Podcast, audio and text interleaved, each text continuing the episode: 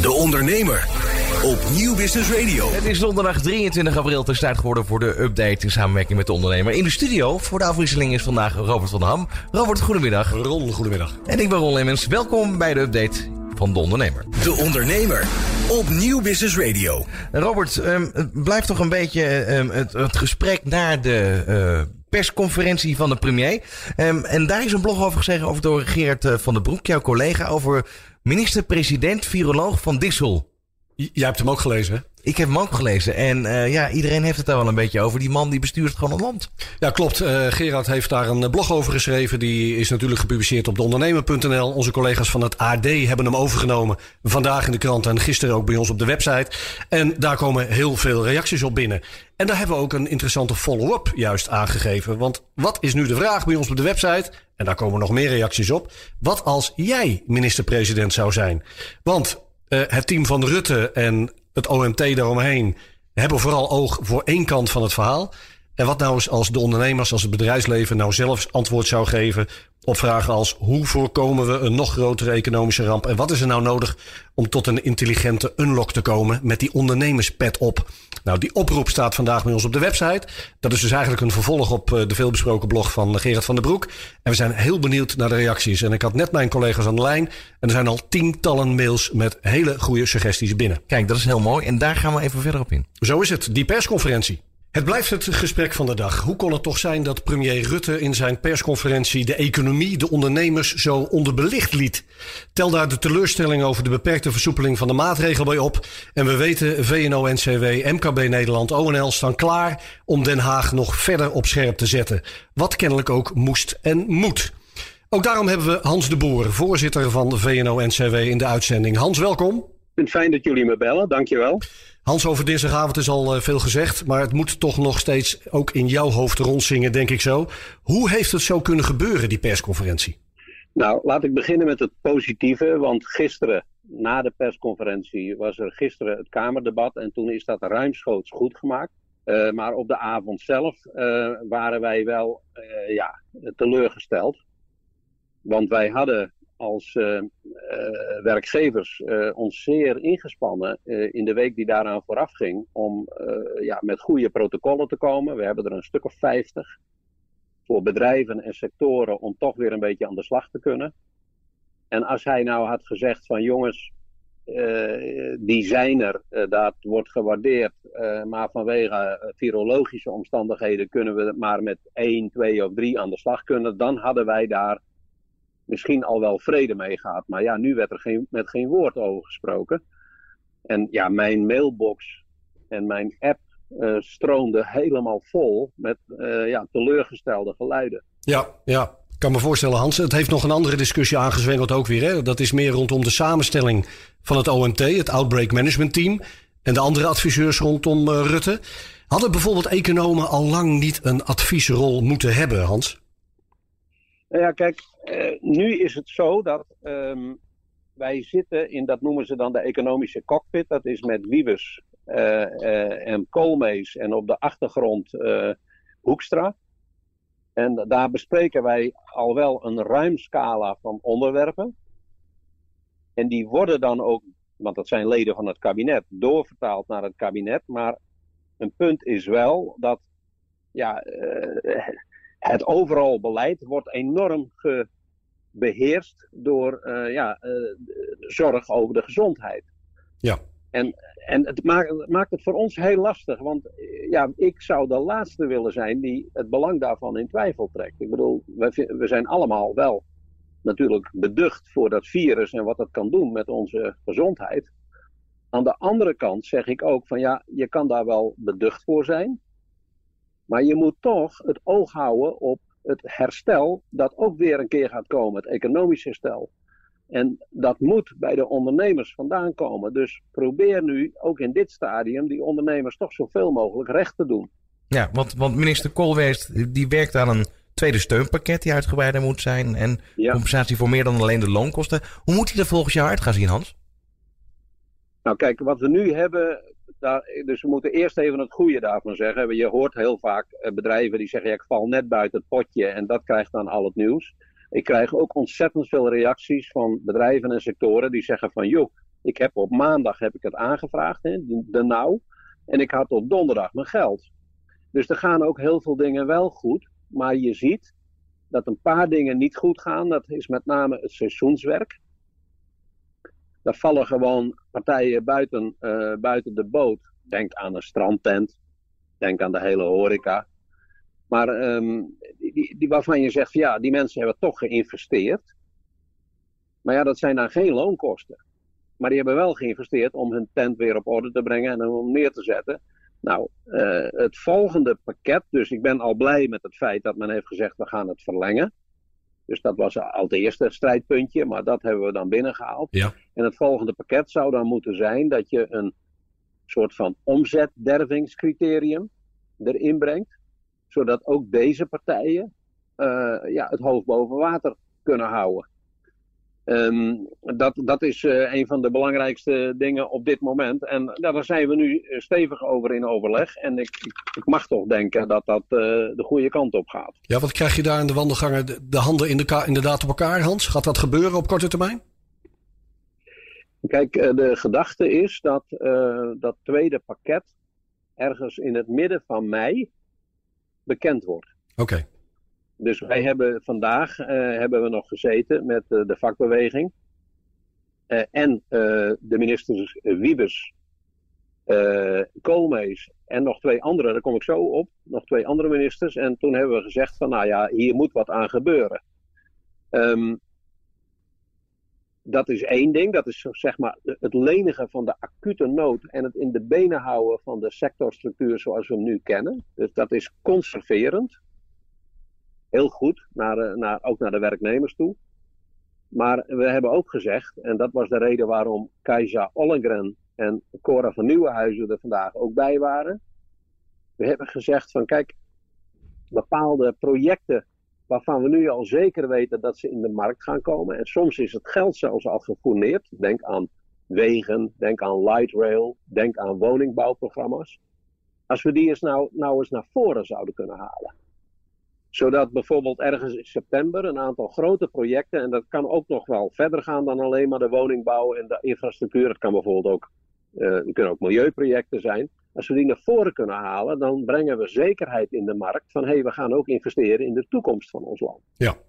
En um, nou, daar hebben we goed over gesproken. En we gaan proberen om zo'n beetje ten tijde van, denk ik, Prinsjesdag, om een pakket in, in het leven te roepen. Waarbij Nederland niet alleen achterom kijkt en conserverend bezig is, maar zich ook gaat richten op ja, uitbreidingsinvesteringen naar de toekomst toe. Ja, want, want daar zeg je wat. Als je um, inderdaad uitkijkt naar, naar Prinsjesdag, dan hebben we het inderdaad alweer over september. En dan gaan we heel erg vooruit kijken. We praten uh, nu vooral over de regelingen uh, van nu, veel leningen vooral, die allemaal een keer terug zullen moeten worden betaald.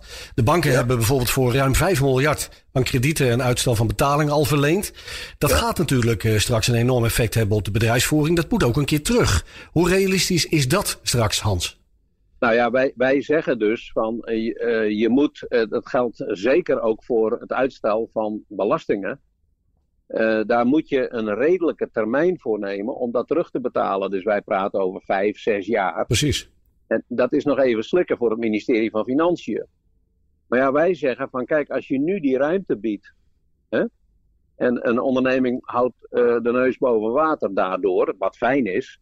Maar je gaat hem dan vlak na het verstrijken van die coronacrisis, laten we zeggen, het zou nog een half jaar duren, en je gaat hem dan de volle map alsnog geven, ja, dan is, is zeg maar de doodstraf even uitgesteld, ja. maar dan wordt hij alsnog voltrokken. Ja, ja. En, en dus wij zeggen, probeer dat over een langere periode uit te smeren, dat is één.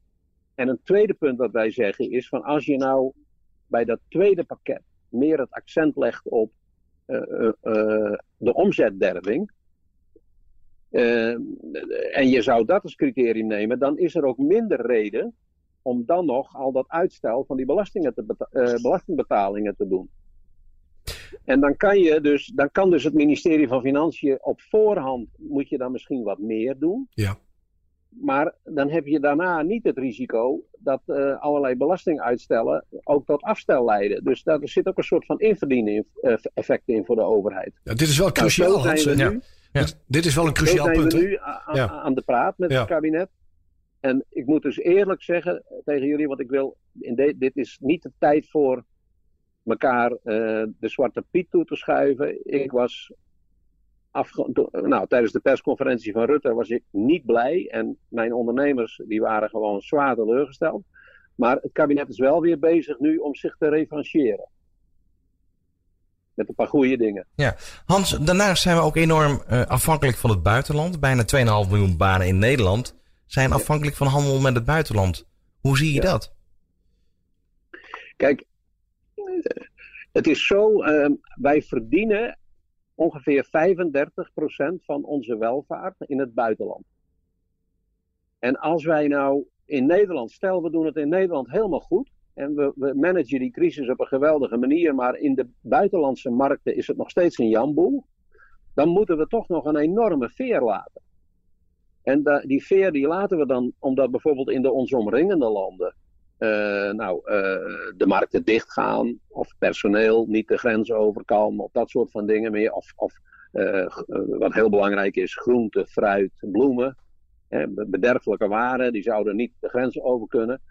Dan gaan we toch nog een enorme veer laten. Dus daar hebben we dus met mevrouw Kaag een afspraak over gemaakt. En we hebben nu een soort van internationale actieagenda op het corona-gebeuren gezet. Ja.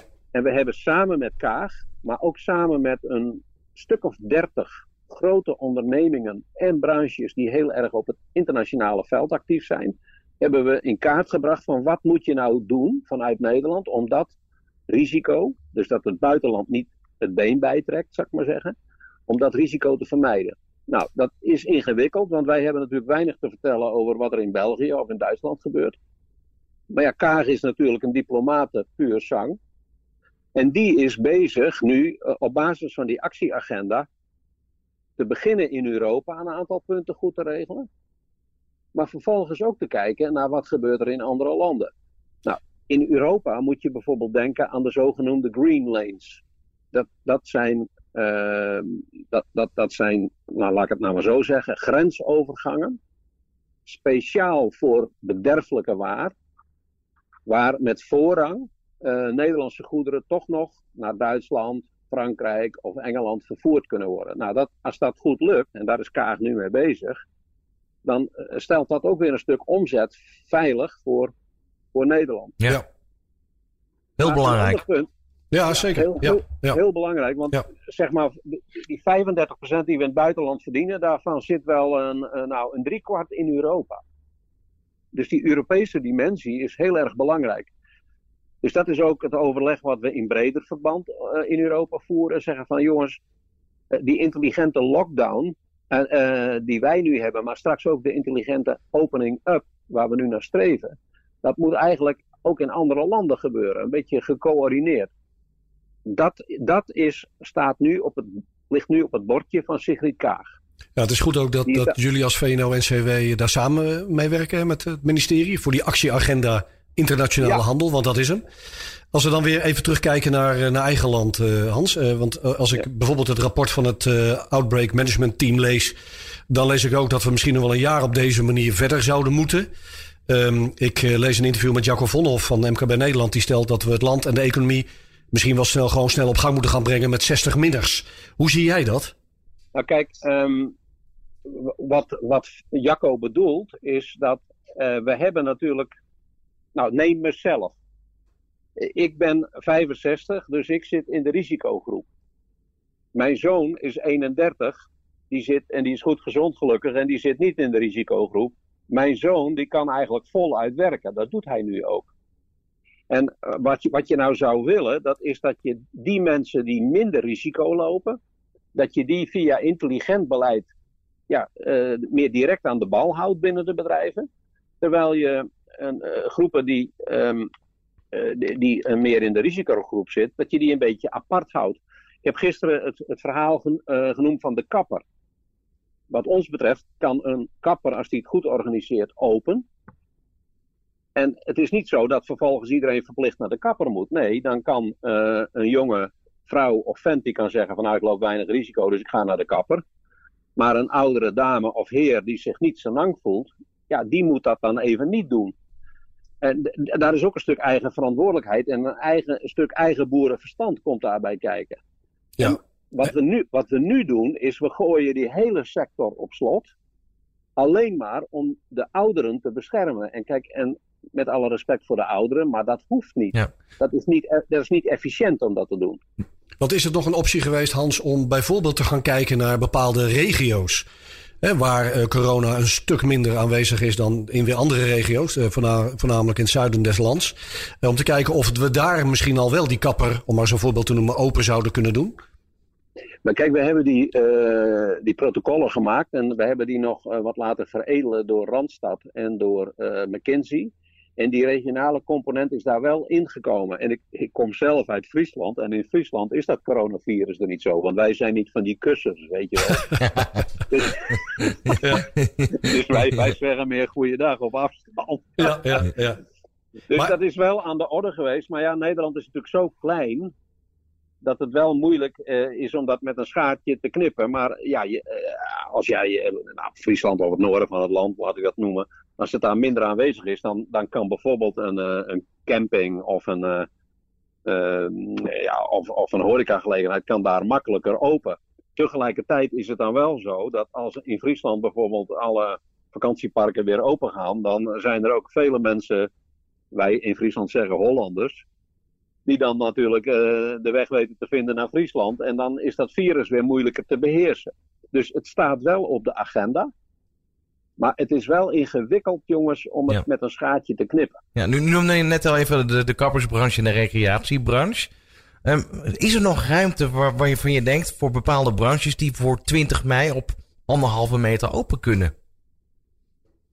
Ja, meer, meer dan dat. Nou ja, kijk, wat, eh, eh, kijk, waar het ons ook een beetje om gaat, is het terugbrengen van de levendigheid in dorpen en in steden. Dus nu is het bijvoorbeeld zo, ik heb een klein veldonderzoekje laten doen door mijn vrouwelijke familieleden. Nu is het bijvoorbeeld zo dat een modezaak is gewoon open. Eh, maar eh, er komen per dag drie klanten, want de winkelstraat is verder leeg. Dus hij is wel open, maar die modezaak die leidt een enorm omzetverlies. Als je nou ehm, in, in de sfeer van de kapper die ik net noemde, de nagelspecialist, al dat soort van dingen, als je dat aan weer een beetje open kan krijgen, krijg je weer meer levendigheid. En daar profiteert de hele binnenstad en het hele dorp van. Ja. En, en dat is eigenlijk wat we nastreven. Verder is het zo dat bijvoorbeeld de bouw, die hebben een goed protocol. En de bouw gaat op dit moment goed door. Er zijn ook tal van industriële bedrijven die op dit moment goed doorlopen. En als die al hun productie hebben gestaakt, zoals bijvoorbeeld eh, Netcar in, eh, in Limburg, dan is het niet omdat ze het logistiek niet goed geregeld krijgen, maar dan is het omdat zij uit Duitsland of uit, eh, uit Azië bepaalde onderdelen voor die auto's niet krijgen aangeleverd, waardoor het productieproces alsnog stokt. Maar er kan dus, er kan dus heel veel en gebeurt ook al heel veel. En ja, dat is, ja, dat is wat wij proberen te promoten. Onder het motto: we hebben straks het bedrijfsleven weer nodig om de trein weer op gang te brengen. Om weer trekkracht te Ja, geven in de economie. En, en wanneer, zou, wanneer zouden ondernemers uiterlijk moeten weten wat er na 1 juni weer mogelijk is? Voor, voor branches die nu nog gesloten blijven. Nou, kijk, laat ik één ding zeggen. Dus ik, ja, ik zou graag iets duidelijker zijn, maar ik wil wel Rutte in die zin ondersteuning bieden dat als dat virus weer opflakkert, als dat gebeurt, ik, ik hoop het echt niet, dan, dan staat alles weer op losse schroeven. Dus dat, dat is een ding wat zeker is. Dus we zijn bang voor dat virus. Maar je kan wel bang zijn, maar je moet toch plannen voor de toekomst. Dus ik heb eerder gezegd van doe eh, doe een aantal sectoren, eh, ik heb ze net genoemd, horeca ook, eh, althans sommige delen van de horeca, doe ze weer open na de meivakantie. Nu heeft Rutte gisteren in het debat in de Tweede Kamer gezegd, ik ben flexibel, dus eerst praten die er niet over, nu gaf hij een kleine opening dat dat toch zou gebeuren. Maar ik, ik zeg van ja, je kan wel bang zijn voor het virus en dat, die vrees is terecht, maar je moet toch plannen voor de toekomst. Dus probeer toch die sectoren, die branches, uit, nou, uit de 50 protocollen die we nou hebben, til er nou eens uh, een stuk of drie, vier uit. En zeg van nou, die geef ik de kans. En dan geef ik ook een datum voor met de slag om de arm. Dus daar moet je ver in zijn dat dat virus niet mag opflakkeren. Ja. Dat is zeg maar voor de hele korte termijn. Voor de middellange termijn vind ik dat je die projecten die de overheden toch al eigenlijk op de planning hebben staan en waarvoor de middelen, de financiële middelen vaak al zijn toegedeeld. Dus denk aan een weg, een stuk light rail. Ehm, dat soort zaken, woningbouwprojecten, haal die naar voren. Betekent niet dat je dan in september daar al aan begint te bouwen, maar als je die opdrachten in september in de markt kan zetten en kan aanbesteden en gunnen, dan weet de ondernemer, en achter hem zit een hele keten van hé, hey, ik heb werk, ik heb een opdracht. Kan hij ook naar de bank toe gaan en zeggen van kijk, ik heb een contract. En kan hij daar financiering op krijgen. Dat is voor de middellange termijn, dat geeft zekerheid. En voor de langere termijn zeggen wij, probeer nou eens, probeer nou eens bijvoorbeeld op het gebied van klimaat, probeer nou eens dat grote deltawerken, uh, zo heet dat project, uh, deltawerken waterstof. Dat is een project waar een paar grote bedrijven in zitten en waar grote waterstoffabrieken, onder andere in het noorden van het land, moeten komen, probeer daar nou eens power achter te zetten. En probeer ook um, um, de opslag van CO2 in het Rijnmondgebied. Er zijn goede plannen voor en daar kan Nederland heel veel geld mee verdienen in de toekomst. Probeer daar nu eens even power op te zetten. En probeer dan op die manier te laten zien aan je eigen burgers en bedrijven, maar ook aan de rest van Europa en de wereld: van kijk, Nederland plant voor de toekomst, zet zijn enorme ondernemerschap en ook financiële middelen in om op een groenere en slimmere manier uit deze crisis te komen. En dat, dus zeg maar, die, die totale overview van wat gaan we nou doen, dat mist een beetje in de benadering van dit moment. Want het gaat nu te veel alleen maar over de angst voor het virus. En die angst is terecht, maar het ontslaat je niet van de plicht om Nederland toch weer uit die crisis te laten komen. Precies. Hans, zeker vanuit ondernemers uh, zijn er goede voorstellen gekomen naar aanleiding van het verzoek van minister Wiebes. We hebben het dan over de protocollen. Hè? Alle sectoren hebben die oproep van hem gekregen. Kom met een protocol om straks weer verder te komen met die anderhalve meter economie. Moet Wiebes daar zo langzamerhand niet eens een keer op gaan terugkomen? Uh, nou ja, wij, wij hebben dus, ja, ik, ik heb uh, vlak voor dit gesprek, had ik een gesprek met, met Wiebes erbij. En Wiebes is van goede wil. Wiebes die wil echt ook die economie, als minister van Economische Zaken, die economie weer aan de praat krijgen. Maar ja. Wiebes loopt binnen het kabinet ook aan tegen het feit dat het kabinet tot op heden te monomaan alleen maar in de weer is geweest met de beheersing van het virus en uh, zorgen dat de IC-capaciteit in de ziekenhuizen een beheersbaar onderwerp wordt. Daar heeft hij last van gehad, net als wij. Helder.